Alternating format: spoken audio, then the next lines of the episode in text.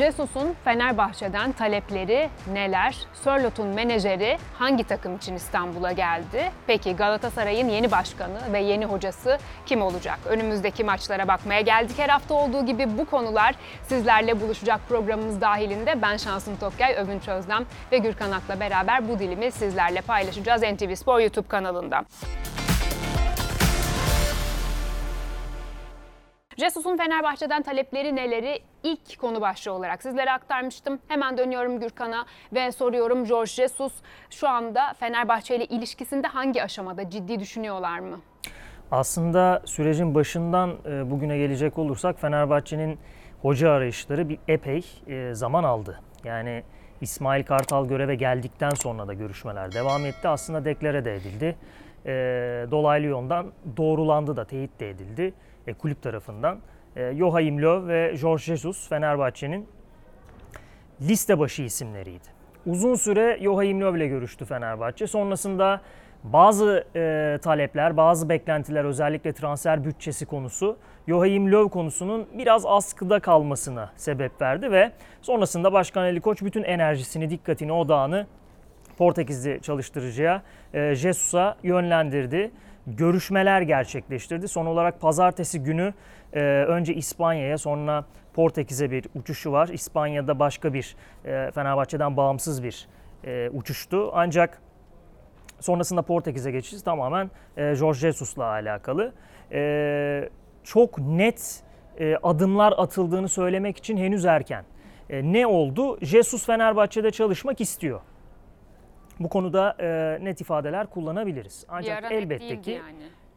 Evet Kafası. net olmama nedeni de aslında Brezilya basınında da yansıdı. Flamengo beklentisi. Çok iyi geçirdiği bir Flamengo kariyeri var e, Jesus'un.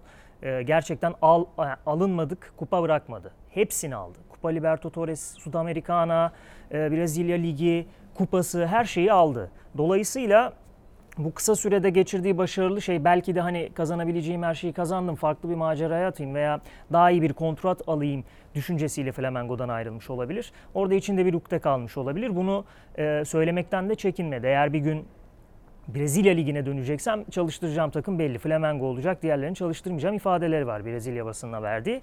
Ancak Flamengo'nun Jesus'la çalışmama tavrı, net ifadeler kulüp başkanı tarafından biraz daha opsiyonların daralmasına sebep oldu ve Fenerbahçe'yi ön plana çıkardı. Şimdi şöyle bir düşüncesi var elbette.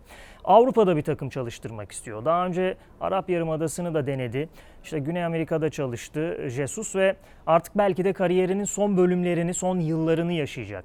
E, dolayısıyla en üst, üst düzeyde işte olabilirse Şampiyonlar Ligi'nde mücadele eden bir takım e, çalıştırma düşüncesi var. Bizim aldığımız bilgiler bu yönde ama tabii ki bu kalibrede bir teknik adamın beklentileri, talepleri de yüksek. Bunu daha önceki programlarda da dile getirdik. Yine hatırlatalım. E, 7 milyon euro e, kendi maaşı ve yardımcıların maaşı dahil olarak bir beklentisi olmuştu ilk görüşmede Jesus'un. E, maaş konusunda net bir tavır ortaya koymuştu. Sonrasında zaten ikinci görüşme biraz buna göre planlandı. Acaba ücretinde bir indirime e, gider mi hoca? Biraz daha alta çekebilir miyiz düşüncesinde. Fenerbahçe'nin çünkü e, bu kalibredeki bir teknik adama kafasında düşündüğü e, maaş 5-5,5 milyon euro civarında. Yardımcılar dahil. E, yardımcıların maaşı dahil. Dolayısıyla arada biraz fark var. Yani özellikle ülkemizdeki ekonomik durumu kulüplerin bulunduğu darboğazı göz önünde bulundurduğumuzda bu ciddi bir fark. Yaklaşık 2 milyon eurodan bahsediyoruz. E, şu anda bunun görüşmeleri gerçekleştiriliyor. Eğer Fenerbahçe Jesus'un e, maaşında biraz daha indirim yapmasını sağlayabilirse aynı zamanda Joachim Löw'de olduğu gibi transfer bütçesi anlamında e, çok uçuk beklentilerle karşılaşmazsa ki hala bunlar net ifadelerle görüşülmedi Sadece aldığımız bilgi yüzeysel olarak konuşuldu. Ama bizim daha önceki dönemlerde hem Benfica dönemini gözümüzün önüne getirirsek e, Brezilya'da tabii bunu ne kadar yaptı tam yakın olmadığımız için bilemiyorum ama Benfica'da hep Güney Amerika'dan e, bir futbolcu transfer etme, işte Şilili, Arjantinli, Brezilyalı yetenekleri transfer etme e, isteği, girişimi vardır. Hep Jesus'un bunu zaten e, Portekiz takımlarında görmek mümkün. Fenerbahçe'den böyle bir beklentiyle gelirse artık o pazarların ne kadar yüksek ücretlerle oyuncu alabildiğinizi göz önünde bulundurursak transfer bütçesini e, 30 milyon euronun üzerinde bekleyeceği, isteyeceği gerçeği var. Ama Fenerbahçe'nin şu anda bununla ilgili söz verme durumu yok. Çünkü hem harcama limitleri hem e, financial fair play belirsizliği Fenerbahçe'nin elini kolunu bağlıyor. E, biraz da aslında sürecin uzamasının e, temel sebebi bu. Şu anda pazarlık masasında iki taraf. Övünç Özlem nasıl bakıyorsun Jesus Fenerbahçe birlikteliğine? İsmail Kartal konusunu konuşuyorduk. Joachim Löw'ü çok konuştuk. Büyük macera tabii. Fenerbahçe yönetimi, Fenerbahçe kulüp başkanı adına e, çok büyük riskler içeren bir karar. Ama e, bir şekilde doğru yolu bulacaklar. Ee, biz Fenerbahçe kulüp yöneticisi değiliz. O kadar detaylı ve o kadar geniş kapsamlı bunu ele alamayız. Ee, 24 saat bununla yaşayıp artısını eksisini yazıp alt alta bir şey çıkartamayız ama sanırım Ali Bey ve ekibi bunu çıkartıyordur. Ortaya çıkacak sonuç da artık Fenerbahçe taraftarının kabul edeceği ve inanacağı bir sonuç olmak zorunda ama Gürkan'ın dediği şartlar e, çok ağır. Hem yıllık ücreti hem transfer bütçesi kabul edilir bir durumda değil. E, o paraları TL'ye çevirdiğimizde e, şu anda kulüplerin yayıncı kuruluştan ne kadar gelir elde edeceğini bilemeyeceğimiz bir ortamdayız. O yüzden nasıl bir sağlam adımla nasıl bir mantıklı hareketle mali yapıyla hareket ederler onu öngöremiyorum. Ee, Onlar biraz galiba işin detayları ama e, iş sonunda mali konulara tıkanırsa İsmail Kartal'la devam durumu sürpriz olmaz. Ben bir taraftan da Emre Belezoğlu e, hamlesi de bekleyebilirim e, Fenerbahçe'den. Hiç duyduğum bir şey değil. Haber olarak üzerine konuştuğum bir durum değil ama sezon biter. Başakşehir'in ligi bitirdiği yer, Emre Belezoğlu'nun Fenerbahçe'de Başakşehir'de gösterdiği performans, İsmail Kartal'ın durumu, e, Löw ve Jesus'un durumu karşılaştırılıp bilemiyorum Ali Bey ve Fenerbahçe yönetimi böyle bir tercihte bulunabilir. Kesinlikle bunu haber olarak söylemiyorum ama adaylardan biri olabilir. Ne diyorsun sen hiç var mı aklında? Şöyle bir ek yapayım. Orada elbette ki Emre Belezoğlu bu saatten sonra her yıl için Fenerbahçe'ye aday gösterilebilir teknik direktörlük için. Ancak arada kırgınlıklar var. Bir önceki Ha. dönemden dolayı Ali, Ali Koç Bey'le. ve evet Başkan şekli Ali Koç ve? Hı hı, aynen öyle. Ee, yani bir hayal kırıklığı var Emre Belözoğlu'nun bu konuda. Tabii onu aştı mı aşmadı mı bilmiyorum. O dönemlerde daha tazeyken çok netti o hayal kırıklığı ama şu anda belki biraz daha hafiflemiş olabilir. Tabii burada Fenerbahçe yönetiminin tavrı da önemli ama ben önümüzdeki sezon için çok mümkün görmüyorum. Çünkü o çok daha taze. Önümüzdeki yıllarda mutlaka Emre Belözoğlu Fenerbahçe'nin yeniden hocası olacaktır ona eminim. Ama bu önümüzdeki sezon değil. Bir de şunda e, altını çizmek lazım buradan yola çıkarak. Yönetimin özellikle Başkan Ali Koç'un kafasında çok net olan bir ifade var şu an. Kesinlikle A kalite bir yabancı teknik adam. Ya bunu kesinlikle istiyor. Başkan Ali Koç. Ee, net olarak ifade edelim. Çok mecbur kalmadıkça başka bir opsiyon düşünmek istemiyor. Mecbur kalma durumu da nasıl şekillenir? Ee, siz harcama limitleri konusunda mali konularda eliniz kolunuz bağlıdır veremezsiniz bu paraları. Sadece maaşlardan bahsetmiyorum. Transfer bütçesi oluşturamazsınız. O zaman mecbur kalacaksınız İsmail Kartal'a. İsmail Kartal'da mecbur kalınması kötü bir seçenek mi? Şu durumda değil. İnanılmaz bir performans. Ya bence elbette ki herkesin fikri vardır. Ben İsmail Kartal'la devam ederim. Ya benim fikrim bu olurdu. Hiç riske girmem. E, çünkü bu bir sıkıntı da Jesus'u getirdiğiniz başarısız tablo hep konuştuk. Çok kötü sonuçlar doğurabilir. Bir de şunu belirteyim ekstra son olarak. E, bütçe konusunda değindi. Mali şartları karşılayabilmeniz için elinizde bir gelir ya da bir kaynak olması lazım. Fenerbahçe bir e, karar aşamasında şu anda. Minje'ye ciddi teklifler var. Zala ile ilgilenenler var. E, Pelkas'a sezon başında oldu. Bence sezon sonunda da ilgilenenler olacaktır. Birçok birçok oyuncusuna ilgi var Fenerbahçe'nin. Dolayısıyla Crespo'ya aynı şekilde satmalı mıyız, satmamalı mıyız düşüncesinde. Çünkü satarsa oturmuş bir sistem bozulmuş olacak. Onların yerini doldurmak gerekecek. Farklı bir e, formül bulunmazsa da satmaya mecbur da E, kalabilirsiniz. gelecek teklife bağlı biraz. Bir de gelecek teknik adam ben Minje'yi kadromda görmek istiyorum arkadaş derse tamamen sarpa sarar iş. O yüzden e, sadece teknik direktör konusunda değil satılacak oyuncular konusunda da karar aşamasında olan bir yönetim, yönetim var şu an. Bu haftadan itibaren izleyici sorularını da almaya başladık. Şimdi bu noktada hemen bir izleyicimizin sorusunu Övünç Özlem'e yöneltmek istiyorum. Ee, Last Solider sanırım böyle okumam gerekiyor. Solider diye de olabilir Soldier mi? Ee, yok Soldier değil, Solid, Solider olarak yazılmış. O yüzden okey. Solider diye Tamam. okudum. Ee, Fenerbahçe son 10-15 Solider yıldır sezon başı teknik direktör değiştiren bir kulüp oldu. Teknik direktör arayışına enerji harcamak yerine kadro planlaması ve oyun kalitesini nasıl yukarı çekebiliriz bunu düşünmemiz gerekiyor. Durumdan artık taraftar da sıkılmaya başladı. Bu istikrarsız döngü hakkında siz ne düşünüyorsunuz? bu düşündüğünüz ve planladığınız şey uyguladığınız şeyle aynı olmayabiliyor. Çünkü bu e, bir şirket değil. Bir e, ürün üzerinden, maliyetler üzerinden çıkarım yapıp kazanacağınız gelir, e, işte varsa eğer şirket ortaklarınızın katkısı ve ortaya çıkacak yeni yıl planlaması üzerinden somut adımlar atabileceğiniz bir durum değil bu. Bir spor kulübünden bahsediyoruz, bir spor yapısından bahsediyoruz. E tabii ki Fenerbahçe'de e, elinde olsaydı eğer 3-4 yıl aynı teknik adamla çalışıp e, her sene Haziran ayı itibariyle kadrosunu oluşturmaya çalışırdı ama bu çok zor. Hele bizim ülkede çok zor. Avrupa'da da bunu yapabilen çok az kulüp var. E, yapabilen kulüplerin de zaten e, mantıkları ve hedefleri başka oluyor. E, özellikle bizim ülkede bunu sağlamak çok zor.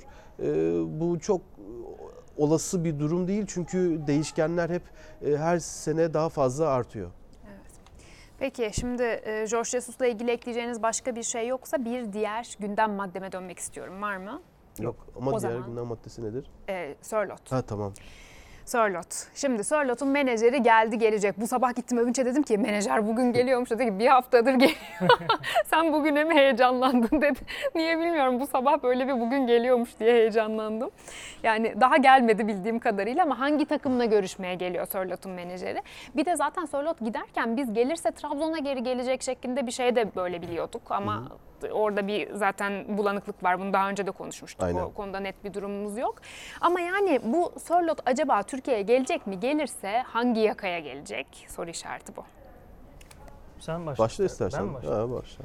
Şimdi şöyle aslında Beşiktaş Fenerbahçe'ye oranla daha önce adım atan takımlardan Evet. birisi. Ee, o yüzden acaba Ünç mü başlasa dedim ama Fenerbahçe cephesi aslında çok e, bu konuda net somut gelişmelerin yaşandığı bir cephe değil. Fenerbahçe sadece Leipzig'le teması kurdu geçtiğimiz haftalarda. E, NTV Spor'da da haberleştirmiştik. E, satmayı düşünüyor musunuz diye sordu.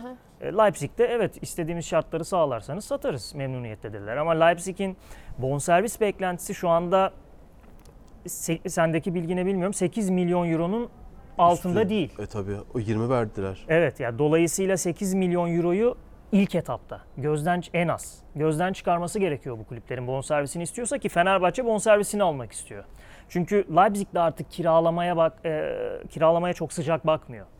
E, dolayısıyla Fenerbahçe kulüple görüştü, düşüncesini aldı. Şimdi menajeri gelecek e, ve onunla bir görüşme gerçekleştirilecek. Hani oyuncunun yıllık beklentisi, maaş beklentisi o da yine 3 milyon euronun üzerinde yıllık maaş beklentisi olduğunu biliyorum.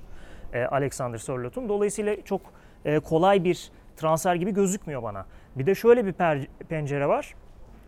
Real Sociedad'da kiralık olarak geçirdi bu sezonu. Real Sociedad'daki performansı Leipzig'teki de tabii oldukça beklentilerin altında. Ama şöyle İspanya basınında da çıktı bu. Real Sociedad e, Sörlot'un bonservisini alabilir. Opsiyon var ama bunun e, 16 milyon euro gibi bir bedel. Bu, bu ücreti ödemek istemiyor. O yüzden opsiyon süresini geciktirip yeni bir teklifle Leipzig'in kapısını çalabilirler. Böyle bir durum var. Son maçlardaki performansından hocası memnun Sociedad'da. Dolayısıyla önümüzdeki sezon iyi bir performans verebileceğini düşünüyor. Sociedad da devrede. Yani sadece Beşiktaş, Fenerbahçe değil, e, Sociedad'ın da ilgisi var şu anda bonservisini alma konusunda. E, o biraz dengeleri değiştirebilir.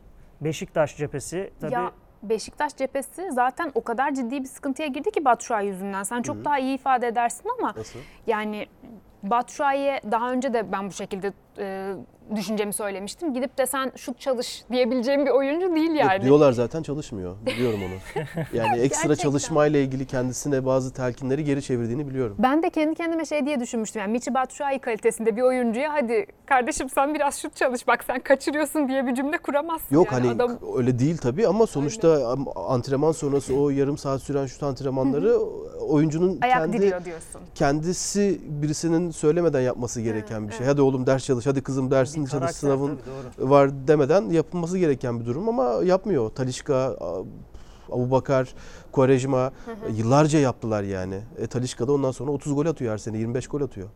Sergen Hoca da işte Önder Hoca da hep ciddi krizler yarattı e, Batshuayi sezon başından beri. Tabii tabii. Şimdi Valerian İsmail yönetiminde de yani bu kriz devam ediyor. Demek ki hani hocalarla alakalı bir durumda değil tamamen kendiyle alakalı bir hadiseden bahsediyoruz. O yüzden Beşiktaş'ın Çerçeveyi bulamıyor. çok ihtiyacı var. Yani E, tabii net bir forvete ihtiyacı var. çok hem de Bu eşittir. Charlotte geldi ve Trabzon'da olduğu gibi 30 gol attı değil ama e, şu- şu anda bir şanslı bir durumda Beşiktaş'ın alacağı yeni santrfor. E, Abu Bakar sonrası Mario Gomez sonrası gelen her ne kadar şanssız ve onunla kıyaslanıp alta kalma ihtimali yüksekse şimdi her gelen oyuncu son ihtimal olan son örnek olan Batshuayi ile kıyaslanacak. O yüzden biraz kendine şans yaratabilir. Çünkü hani e, çerçeveye bulma o son vuruş kararsızlığı artık golcü kendi e, yetilerini de kaybetmeye başlıyor. Kendine güvenini kaybettiği zaman da E, Fenerbahçe derbisinde de çok net gördük. Topu kontrol etmek konusunda sıkıntı yaşamaya başladı. Koşularda sıkıntı yaşamaya başladı. O alameti farikası buydu hani Batshuayi'nin. Tamam abi vuramıyor. Tamam ceza sahasında doğru yerde değil ama presi yapıyor. O baskı aman artık top bana gelmesin durumu oyuncuyu e, artık uzaklaştırdı. 2-3 tane gol attığı zaman bir böyle bir hareketlenme oldu. Acaba kalsın mı? Hoca kalmasını istiyor. Yok olmaz.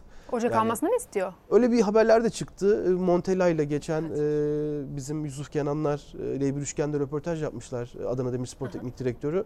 Beşiktaş istemiyorsa biz alabiliriz e, Batshuayi'yi e, demiş Montella e, Teknik Direktör olarak. Biraz daha detaylandırması lazım. Tam olarak e, acaba Beşiktaş'ta ki eksikler etrafı tamamlanamadığı için Beşiktaş'tan istenmiyor Hmm. veya e, Rıdvan Hoca bir iki kere söyledi ben Fenerbahçe'ye hemen alırım e, önümüzdeki sene için. Rıdvan Hoca'ya da birebir konuşmadım bunu hocam tam olarak hangi e, detaylar üzerinden bunu Emin misiniz? söylediniz? Aynen kesin hocanın altını doldurduğu bir durum vardır ama Mehmet'le de konuşmadık onu aklıma geldi şimdi konusu açılınca.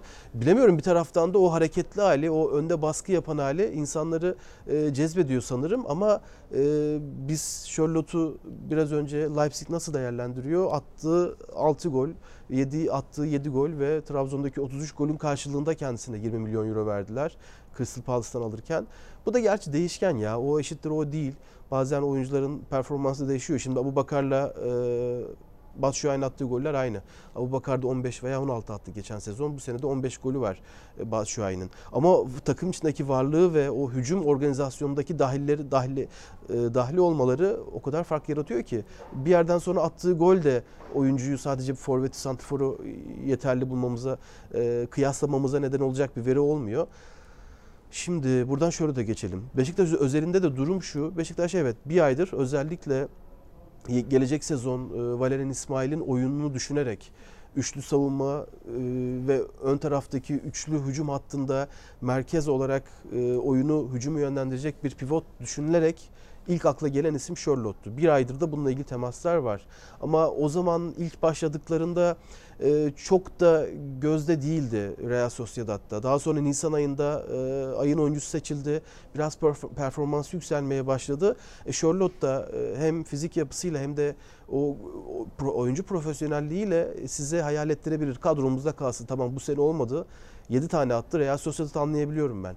E, ya bu adam 2 sene önce 35 gol atmış. Tamam Türkiye Ligi ama e, bir şekilde atmayı bilen bir adam galiba. E, Bir seneye biz bundan 15-20 gol alabiliriz, katkı yapabiliriz gibi belki bir akıllarında bir durum vardır. Eğer Sociedad devreye girer ve oyuncu da kalmak isterse zaten direkt boşa çıkıyor Türkiye'deki takımlar. Ama menajerinin Türkiye'ye gelme durumu var doğru. O da bir taraftan oyuncunun piyasasını yaratmaya çalışacaktır. Hem Real Sociedad'a karşı hem Leipzig'e karşı bonservisini elinde tutan takım hem de Beşiktaş ve Fenerbahçe'ye karşı. Bu anlaşılabilir. Serbest piyasanın kuralı bu. Oyuncunun menajeri de tabii ki kendi oyuncusunu en ideal, en makul şartlarda, kendi adına en iyi şartlarda yeni sezon kontrat alma niyetinde. E, Leipzig'e dönmeme ihtimali, Leipzig artık dönmeyecek büyük ihtimalle. Onu söyleyebiliyorum. E, Ama Beşiktaş ve Fenerbahçe transfere girip ikisi arasında bir çekişme olursa ve oradan bir fiyat yükselirse yine manasız bir yere gider iş. Tabii. Ee, 1 milyon euro, 2 milyon euro 30 milyon TL'den bahsediyoruz bir anda. Yani o yüzden de e, biraz daha bence kulüpler ama kulüplere de burada bir şey diyemezsiniz ki serbest piyasa. Fenerbahçe şey mi diyecek tamam sen o zaman şöyle al Beşiktaş ben de e, şu oyuncuyu alacağım sen bana bırak o da olmaz. O da doğaya kan- kanunlarına aykırı. Bu işin kendi maddesine aykırı. O yüzden biraz daha süreç alacak bu. Ee, Ama ben Real Sociedad tarafından Gürkan'ın verdiği o bilgi üzerinden de gidersek 14 milyonu ödemek istemiyorlar. Anlaşılabilir. Sözleşmesi bitecek. Ve sözleşmesi bittikten sonra Real Sociedad alın abi 9 milyon euro iki taksitle veriyoruz size. Charlotte sen de abi 3 milyon euro yıllık ücret vergisiz e, kabul ediyor musun? 4 yıllık kontrat olma ihtimali yüksek gibi. E, Türkiye'den gelecek teklifler e, değerlendirilecektir ama Real Sociedad'ın son teklifine bakmak lazım. Tabii şunu da belirtmek lazım Sörlot'la ilgili olarak. Fenerbahçe olmazsa olmaz olarak bakmıyor Sörlot'a. Yani e, kesinlikle almalıyız gibi bir düşüncesi yok. E, şartlar uyarsa eğer Fenerbahçe'nin verdiği teklifler menajeriyle yapacağı görüşme, maaş görüşmelerinde de istediğini alırsa evet Sörlot için daha somut adımlar atabilir. Ama beklentiler çok yüksekse hem Leipzig tarafında hem oyuncu tarafında o zaman Fenerbahçe teşekkürler der. Ben buna eminim çünkü e, daha transfer sezonuna da var. Mutlaka ki daha iyi transfer fırsatları santrfor pozisyonu için çıkacaktır. E, burada tabii e, bir şey daha ekleyecektim. Onu hatırlayamadım. Aklıma gelirse söyle. Tamam. Bu arada ben de bir şey ekleyeyim. Lütfen. Beşiktaş'ın şimdi bu e, Charlotte'la ilgili ve forvet transferiyle ilgili bir bütçesi var. Bonservis verebilirler bir yere kadar. Ee, onunla ilgili çünkü e, Ersin ve Rıdvan'dan gelebilecek bir bonservis bedeli düşüncesi var. Onu da birazdan detaylandırırız. Evet. Onun karşılığında bunu bir forvete harcar mıyız durumu var.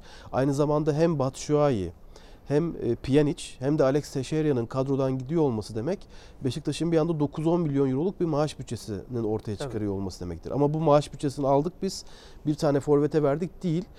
Hem zaten o bütçenin belki de yarısını kullanmayacaklar. Artık yeni sezon ve yeni kur ve yeni yayın geliri karşılığında başka bir bütçe çıkaracaklar. Hem de bir orta saha daha alma niyetleri var. O yüzden de 2,5-3,5 milyon euro arası bir maaşı en fazla verebilirler. Ee, Bu hem Beşiktaş'ın gelecek sezon mali yapısıyla ilgili düşüncem hem de bilgim aynı zamanda. Hani dörtlere falan çıkamaz artık o işler ütopya oldu Türkiye'de. Beşiktaş adına çok zor. Ee, Ona bakmak gerekecek. ama. Peki şu anda aklına geldi mi? Evet, e, Fenerbahçe'de de aslında benzer bir noktaya değinecektim. Sen hatırlatmış oldun. E, gidecek oyuncular var. Yani Luis Gustavo ile artık e, yolların ayrılması planlanıyor. Çünkü maaş yükü var. Artık yaşı bir noktaya geldi. Mecburiyetten şu an oynatılıyor. Crespo sakat olduğu için e, Gustavo'yu 11'de görüyoruz şu an.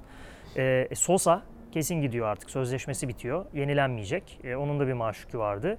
Ozan Tufan düğümü hala çözülmedi. Büyük olasılıkla yollar ayrılacak. Dolayısıyla bu üç isimden bile çok iyi bir maaş e, bütçesi açılır. E, hele ki biri de bonservis alınabilirse ufak tefek işte 1 milyon eurodur ki 1 milyon euro artık kulüpler için iyi para. E, Gustavo için söylüyorum bunu. Ozan Tufan için daha fazlası bence tabii ki de alınması gerekiyor.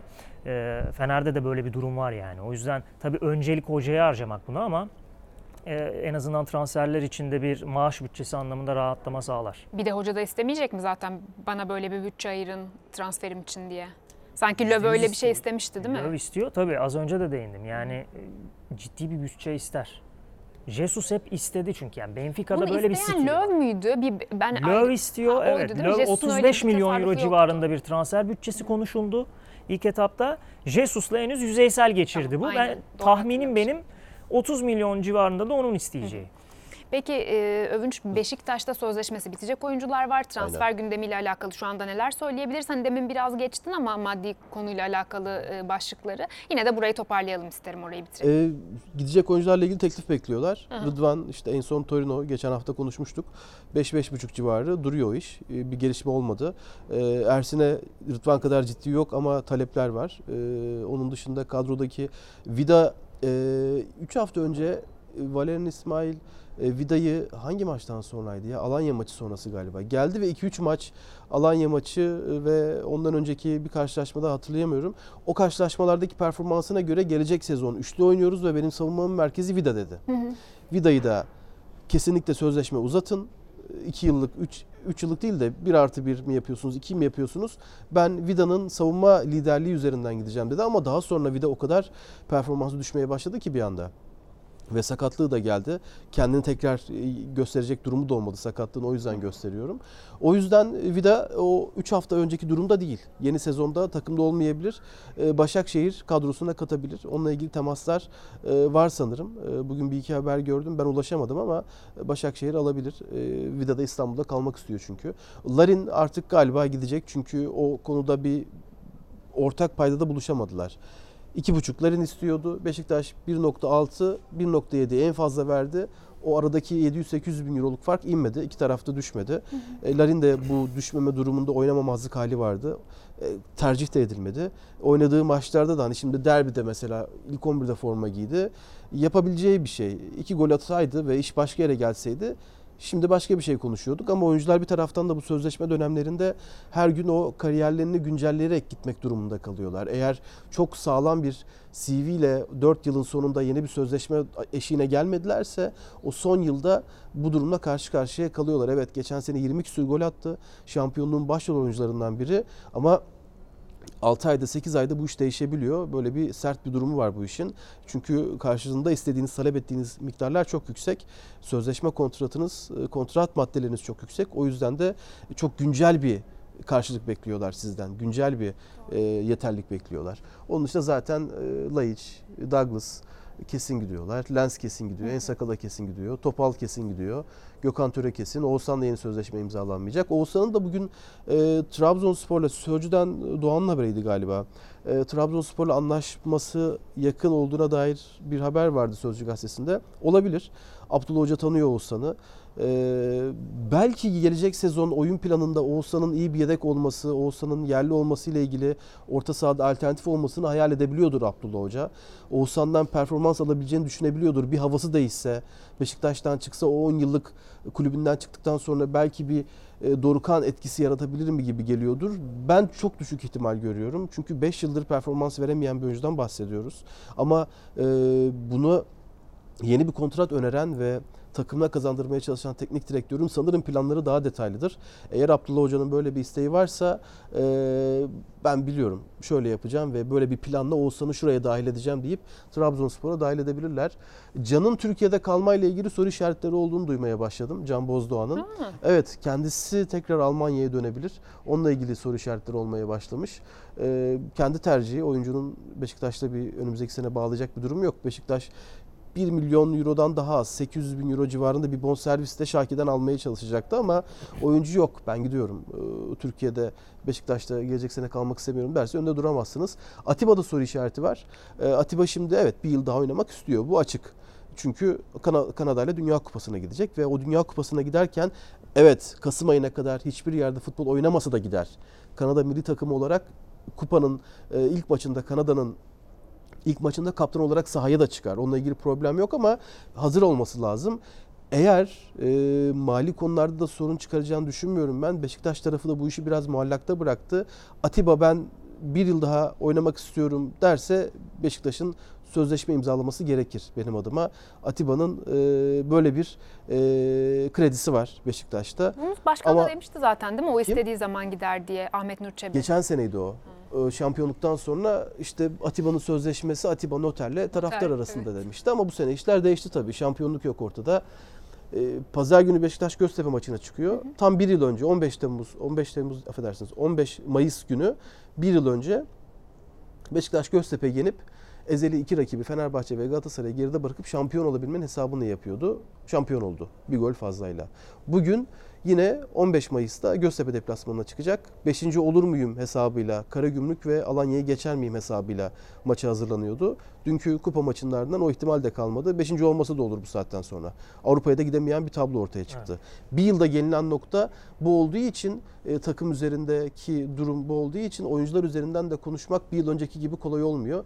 Ama Atiba'nın benim kendi adıma Şimdi Ahmet Nurçebi veya kulüp yöneticisi sözleşmeyi imzalayacak personel yanında olsa ya Övünç 80 bin euro aylık ödeyeceğiz Atiba'ya. Eğer senin dediğin gibi Atiba'nın kredisi varsa nasıl yapalım bunu derse de ikna da edebilir beni. Bir şey de diyemem. Ama e, biraz daha zorlanabilir şartlar Atiba konusunda. Bu arada Çok normal bir oyuncu değil Beşiktaş için. e, Oğuzhan'la ilgili konuşurken hani bir Dorukan etkisi yaratır mı dedin ya orada aklıma bir şey geldi. Geçen hafta Dorukan'la ilgili bir bilgi verecektim. Veremedim böyle. Ya daldım ya da hani konu karıştı. Dorukan Beşiktaş'la ve sonra Trabzonspor'la şampiyon Evet. olduğu için arka arkaya iki farklı Aynen. takımla e, arka arkaya senelerde bunu en son böyle 20 sene kadar önce Sergen Yalçın yaşamış. Geçen haftaki notlarıma çıkarmıştım ben onu ama şimdi hatırlamıyorum Sergen Yalçın'ın o yıllarını. Geçen hafta Dorukan'la ilgili bunu söyleyecektim. Hoşuma gitmişti bu bilgi Galatasaray'da ama sonra? Şimdi söylemiş oldum. Ona ben geçen hafta bakmıştım işte Dorukan'ın bu istatistiğine. Tamam.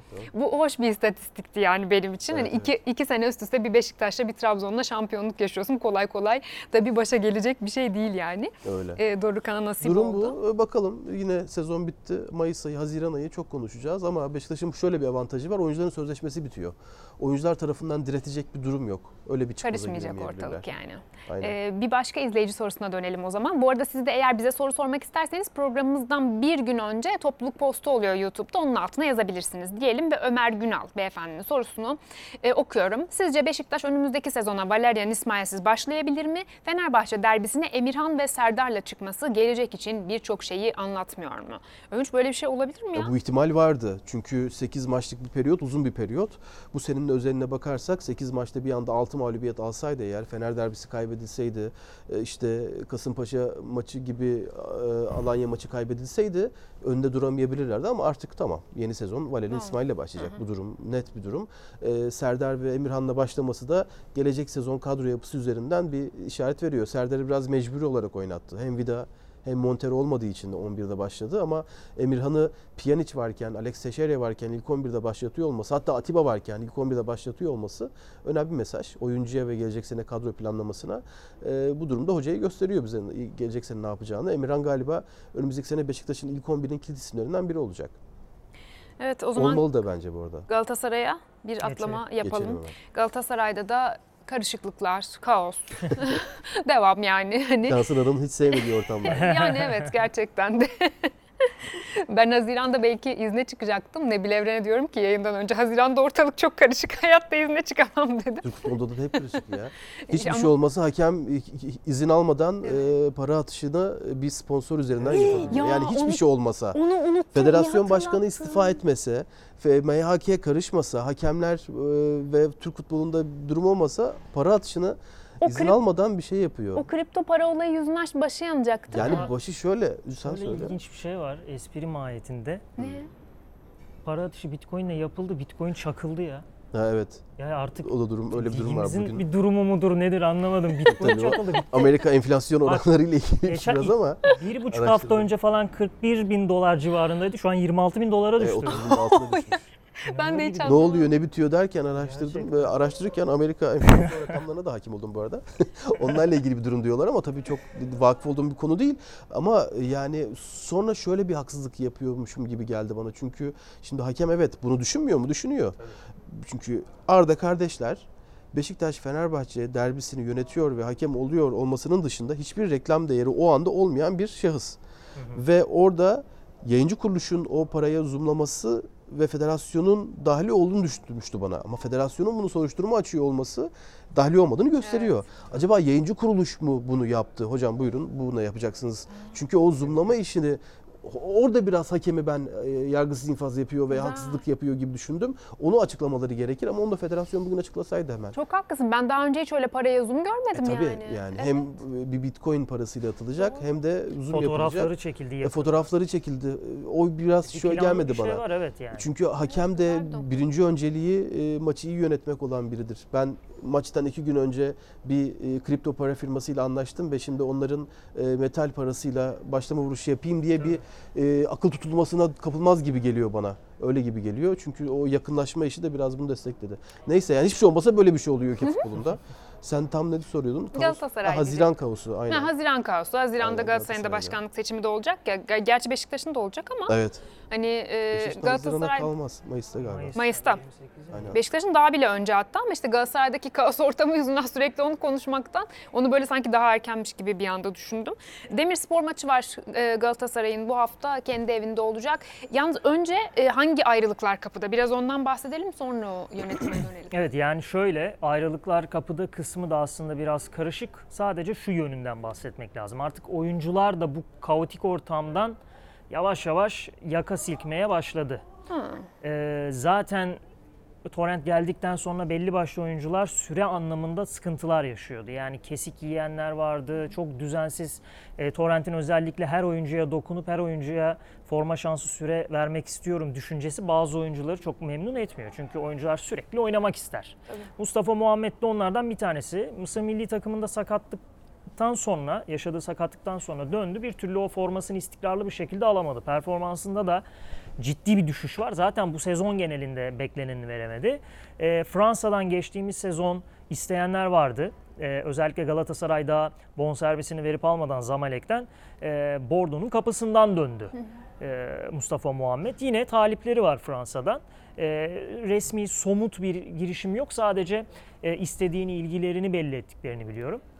Dolayısıyla Mustafa Muhammed'in ayrılığı gerçekleşebilir bir bonservis e, Galatasaray'ı mutlu ederse. Yani e- edecek düzeyde bir bonservis olursa diyeyim daha doğru ifadeyle. E, Markao zaten Galatasaray'ın o bütçesel rahatlamayı sağlaması için yine satılabilme potansiyeli çok yüksek isimlerden bir tanesi. Markao'nun Galatasaray'dan ayrılmak gibi bir düşüncesi şu anda hani ben gitmek istiyorum gibi bir düşüncesi benim aldığım bilgi kadarıyla yok. Ama iyi bir bonservis bedeli gelirse iyi birden kastım nedir? 10 milyon euronun üzerinde 15 milyon eurolar civarında Galatasaray gönderebilir ama bunların hepsinin kararını verecek olan yeni başkan elbette. Yani e, teknik direktör konusu da artık netleşti. Torrent'le kesinlikle devam edilmeyecek. Başkan adayları yeni gelecek, yönetimde devam etmeyecek. Burak Elmas aday olup seçilip kalırsa da Torrent'le devam etmeyecek. Şu anki düşüncesi o. Torrent defteri kapandı Galatasaray için. Aldığımız bilgi bu yönde. Bir de elbette ki sanırım oraya bağlayacaktın Tabii sen de. ki. Burak Elmas'ın başkan adayı olup olmama konusu. İlk etapta çok netti Burak Elmas. Bu kaç kere iptal oldu seçim? İki. İki. İlk seçim tarihi açıklandığında Galatasaray seçime gidiyor denildiğinde Burak Elmas kesinlikle Galatasaray başkanlık defterini bir süre kapatmıştı. Zaten üzerinde ibrasızlık kararı olduğu için. Sonrasında o ibrasızlık kararı mahkemeye taşınıp acaba böyle bir şey yok mu ya dönünce kafalarda, zihinlerde bu adil olmayan bir karar mı acaba'ya dönünce Burak Elmas e, ister istemez şunu düşünmüştür. E o zaman ben niye başkanlığımdan oluyorum ki demiştir.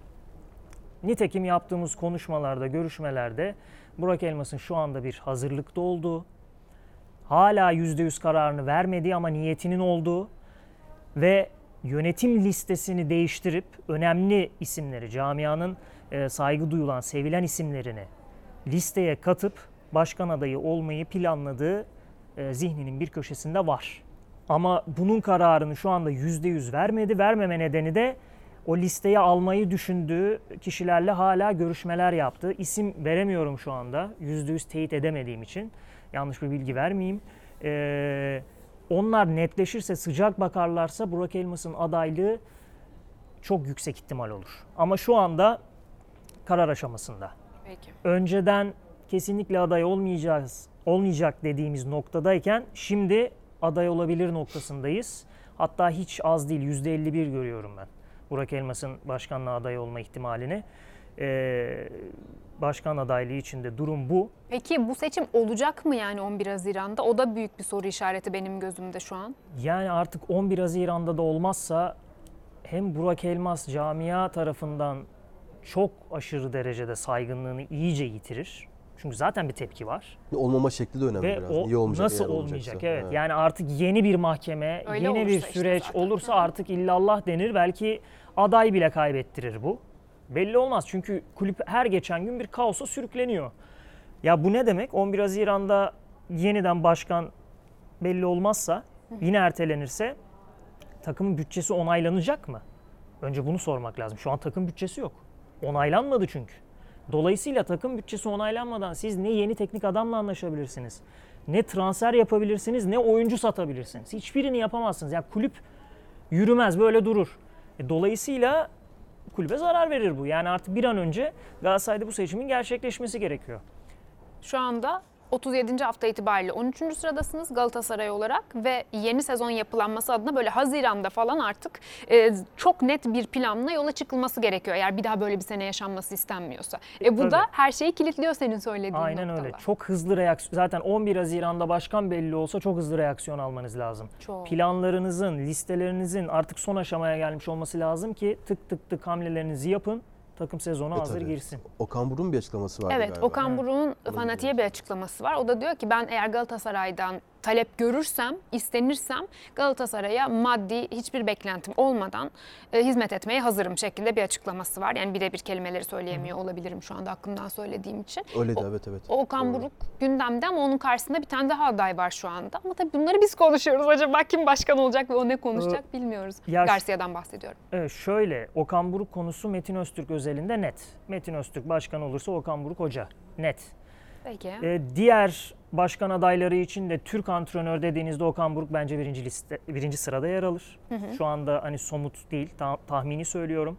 Çünkü daha uygunu yok. Hem maddi açıdan uygun, hem camia seviyor, hem başarıyla e, kariyerini sürdüren bir isim. Ama Eşref Amamcıoğlu kısmında geçen seçime gittiğimizde son seçime e, bunu söylemiştim daha önce. Üç aday vardı. Yani iki Alman teknik adam, bir de Rudi Garcia Fransız. Hatta temas da kurulmuştu e, fikir anlamında. Yine Rudi Garcia ismi aslında buradan biraz e, gün yüzüne çıkıyor. Eşref Amamcıoğlu olursa sanki teknik adam yabancı olur gibi geliyor bana. Düşünceleri o yönde çünkü. Ama e, Türk olma durumu da e, ne oldu? Bir ses geldi. şey oldu. E, Okan Buruk ismi yine ön plana çıkar. Bence Okan Buruk Galatasaray için çok doğru bir tercih olur bu arada. Yani kefeye koysan Rudi Garcia, Okan Buruk ne düşünürsün? Yok kefeye koyamam. Koyamazsın. Yani Yok, Rudi Garcia ile ilgili çok Yok canım iki, iki şey teknik yok. adamı kefeye koy demiyorum. Galatasaray için uygunluğu senin gözüne İşte nasıl o görünüyor? anlamda da. Onu da yani koyalım. şey Peki. bilemedim ya. çok net bir şey söyleyemedim. Peki. Ee, Rudi Garcia'nın da son 5 teknik direktörlük karnesini izleyicilerimizle buluşturabilecek bir Yani grafiğimiz var. süredir galiba takım çalıştırmıyor Rudi Garcia. Şey, son Lyon. Ha evet 2021 2019. 21. Aynen.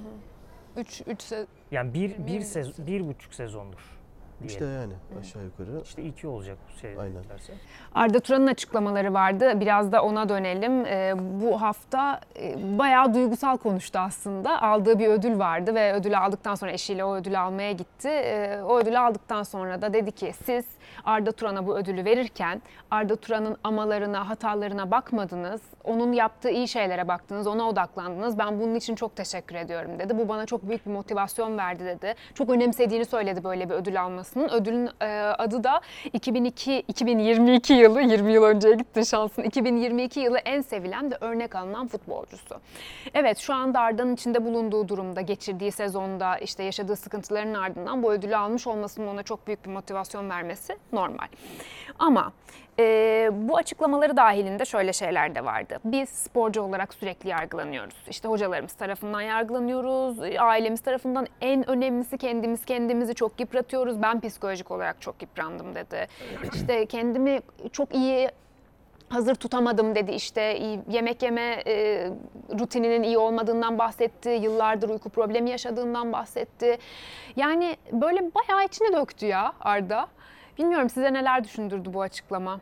Yani Arda o zaman normal bir insanım demeye çalışıyor. Çünkü Ben bu bahsettiği dertler yo hayır o Hepimizin de e, normal bir insan dertleri. Yani uyku problemi hangimiz yaşamıyoruz? Hangimiz e, içmeyle ilgili sıkıntılarda değiliz? yani? hangimiz rejim bozmuyoruz diye. Muhakkak yani bu bahsettiği durumlar benim artık Arda ile ilgili bilgi kapasitem doldu bu arada. Yani ben Arda ile ilgili bir şey bilmek istemiyorum artık yani. Çünkü e, 20 yıldır neredeyse hayatımızda tamam çok e, payeler verdik kendisine, çok övdük. E, gerekli yerlerde Atletico'su, Barcelona'sı e, hiçbir Türk oyuncunun ulaşamayacağı bir seviye. E, belki bundan sonra ulaşabilir mi bilmiyorum. Bugüne kadar hiçbir Türk oyuncunun ulaşamayacağı bir seviyeye ulaştı.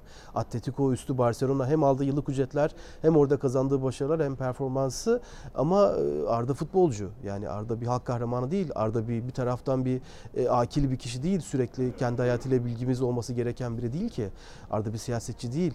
Arda'yı biz futboluyla değerlendirmek durumundayız yani. O yüzden de e, tamam anlayabiliyorum. E, galiba böyle bir sezonda Arda'ya yılın en iyi oyuncusu değil mi? Ödülün içeriği neydi? 2022 En yılı sevilen. en sevilen ve örnek alın. Ha işte ama işte hangi açıdan Futbolcu. örnek alınacak? Futbolcu yani çünkü. Futbolcu olarak tamam Arda ile oturup burada da konuşsak. Bir öğrencilerle ilgili belli bir artık ders vermeye başlasa, akademisyen olarak her sınıfta bir üniversite ders vermeye başlasa anlaşılabilir ama bu senenin özelinde Arda'yı biz futbolcu olarak tanımlayamıyoruz. Karşısına koyacağımız performansı yok. İyi oynadı, kötü oynadı demiyorum. Yok. E, yorumlayabileceğimiz performansı yok yani. O yüzden de evet oyuncunun bir insanı da kendinin dertlerini ortaya dökmesini yadırgayıp kardeşim herkesin derdi var bize bir şey diyemezsin demek e, acımasızlığında bulunmak istemiyorum ama e, benim Arda ile ilgili bilmek istediğim ve bildiğim şeylerin kapasitesi doldu. Yok artık yani yer alamıyor. E, tüm bunları konuşuyorum, anlayamaya çalışıyorum. Uçakta Bilal abiye saldırması geliyor aklıma. Tüm bunları düşünüyorum. Başka şeyler geliyor aklıma. Gelmesi de önemli değil. Yani çünkü biz artık Arda'yı teknik direktör olarak konuşacaksak eğer o özelinde oynattığı oyun özelinde, oynattığı sistem üzerinde konuşmaya başlamamız lazım. Ee, bu duygusal hezeyanları, çıkarımları birçok insanın ifade edebileceği bence e, normal insan tepkileri gibi geliyor bana. Aslında ben çok kısa bir şey söyleyeceğim. Bu ödül 2022 değil, 2017-2018 ödülü. Doğru.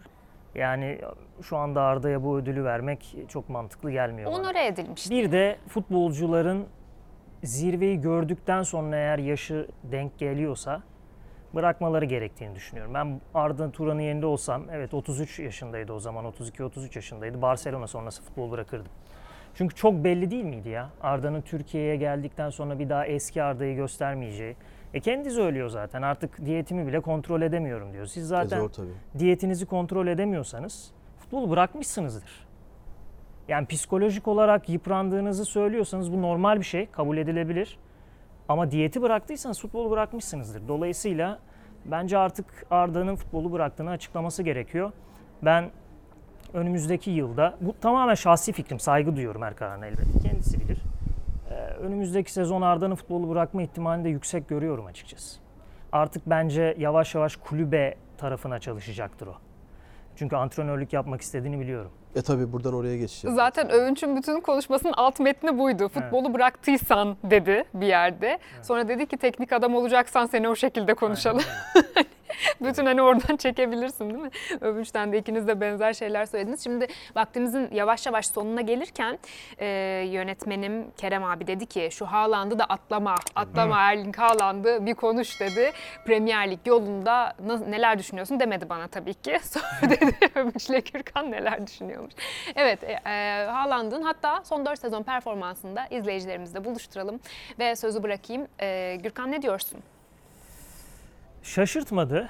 City yine City'nin şaşırtmadığı bir transfer. 75 milyon euro serbest kalma bedelini çıt diye yatırdılar Çatır hemen. çatır Hemen e, aldılar, alandı.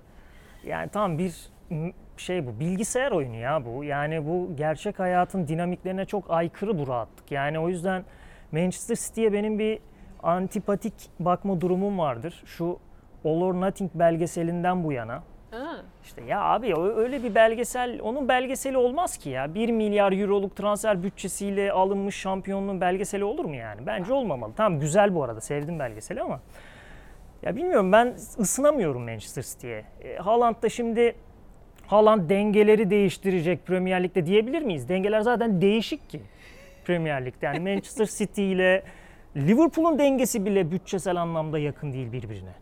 Yani o yüzden bilmiyorum tabii çok yararlı transfer olmuştur. Yani E olacaktır. tabii. Hayırlı Çok net forvet. Çok net bir e, Çatır çatır atar. Son herhalde 10 yıldır e, net olarak böyle ortaya çıkan forvetler ve Mbappe sürekli ve kendini işte- ama Mbappe'yi biraz kanat olarak değerlendirebiliriz. Bu tam bir merkez santrfor ve e, çok net. O eski e, aranan e, Alman oyuncular vardı böyle eski e, Klinsmann. şeyin e, Ercan abinin kulakları çınlasın. O çok iyi bir tabii ki o ses tonuyla da e, ifade ederdi. Çok da severdi Alman futbolunu.